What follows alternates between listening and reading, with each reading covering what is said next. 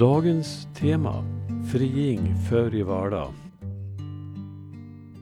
Nya Värmlandstidningen den 28 september 2013. Kvinnotjuvnad i Dalby står det i rubriken och det är till och med stavat med Q i kvinno. Visst kan dagens ungdomar vara ganska så besvärliga i sitt uppförande. Annat var det förr. Eller åtminstone annorlunda. Kanske farfars farfars far inte var så mycket mer beskedlig än hans barnbarns barnbarns barn. Ett sakens stämmoprotokoll från Dalby år 1816 kan ge besked. Där får ni veta hur den tidens ynglingar betedde sig. Säkerligen i syfte att imponera på den tidens unga damer. Vad annars skulle det finnas för anledning att fjanta sig och att fjanta sig alldeles speciellt just Säterkullsöndagen vid Mikaelihelgen? Det var just den helgen alla samlades i kyrkan för att fira att Säterkullorna kommit tillbaka hem till bygden. Då var det viktigt för de unga männen att visa upp sig. Då tog de med eller utan lov fädernas och husböndernas hästar och red till kyrkan. Och det var ingen stillsam ridtur. Nej, de kom ursinnigt strykande genom socknen och skonade varken gärdsgårdar, åkrar eller ängar. Till och med kvinnor och barn blev omkullridna och skadade och hela den påföljande natten pågick eländet. Enligt protokollet fick husbonden vara glad om han fick tillbaka sin häst i oskadat skick. Men det var inte nog med detta.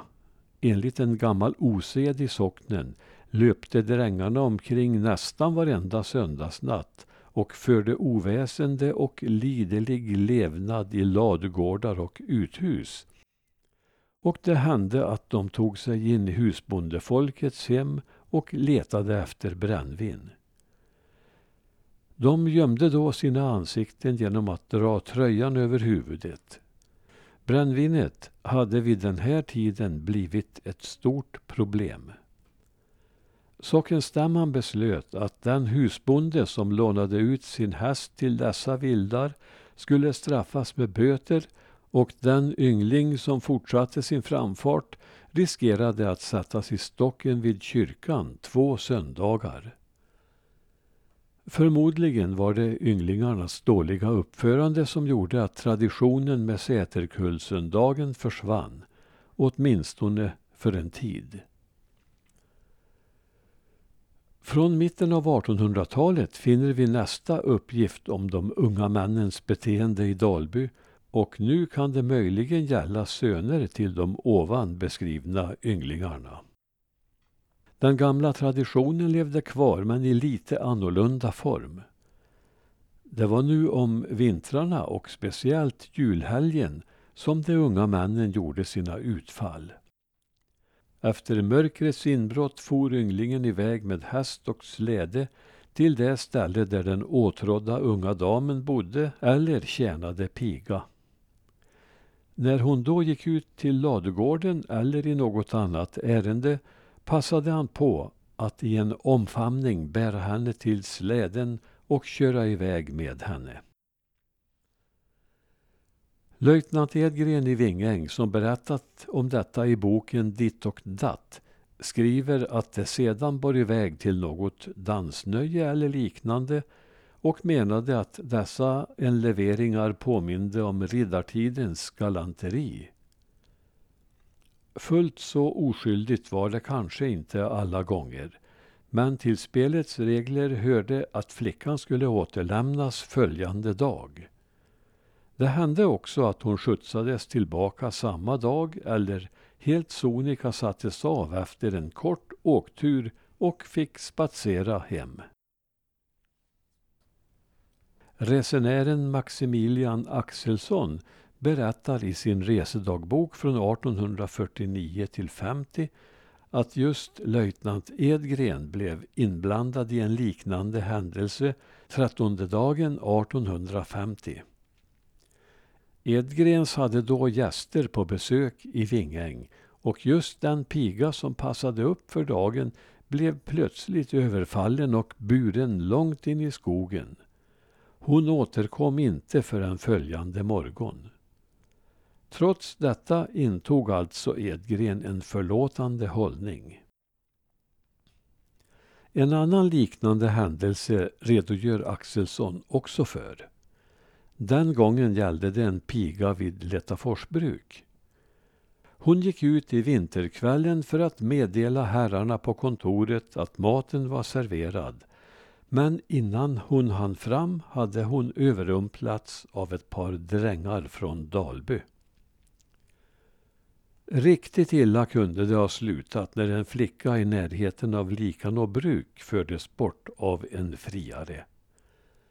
Efter en kort färd på Klarälven hamnade han med flicka, häst och släde i en öppen vak. Om inte folk från bruket snabbt kommit till undsättning hade de blivit kvar i älven. Flickans far, som var en av ortens förmögnaste bönder, blev uppmanad att åtala drängen, men han svarade lugnt. Åh, det var inte så illa ment.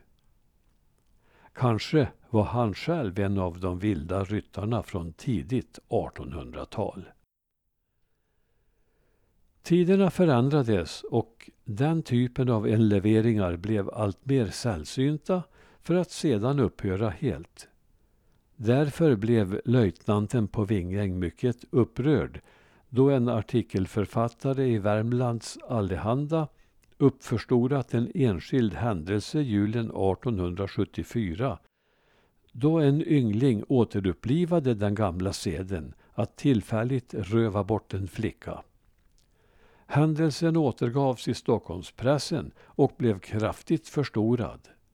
Det talades om kvinnotjuvnad och djuriska lustar och bygdens ungdom svartmålades. Oseden var länge sedan avlagd enligt Edgren och några djuriska lustar har aldrig varit drivkraften bakom okynnet. Han menar att okynnet helt skulle upphöra med en skärpt hållning från de lokala myndigheternas sida. Något förtal av bygden ville han inte veta av och han skriver vidare i Ditt och datt om sin hembygd att få samhällen torde kunna framvisa en sådan laglydnad. I Sofis arkiv hittar jag en gammal berättelse från Brannäs som visar att pojkarnas rykte som farliga åtminstone i vissa fall kunde vara överdrivet. Jag citerar. Det var en som var så lit för sig, var så dum och osjälvständig, men så ville föräldrarna hans att han skulle skaffa sig en hustru.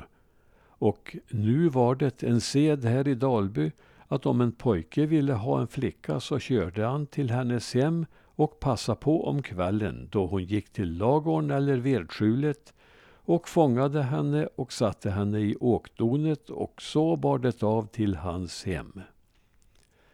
Tyckte då föräldrarna om henne blev hon storslaget mottagen och likadant pojken när han kom hem igen med flickan.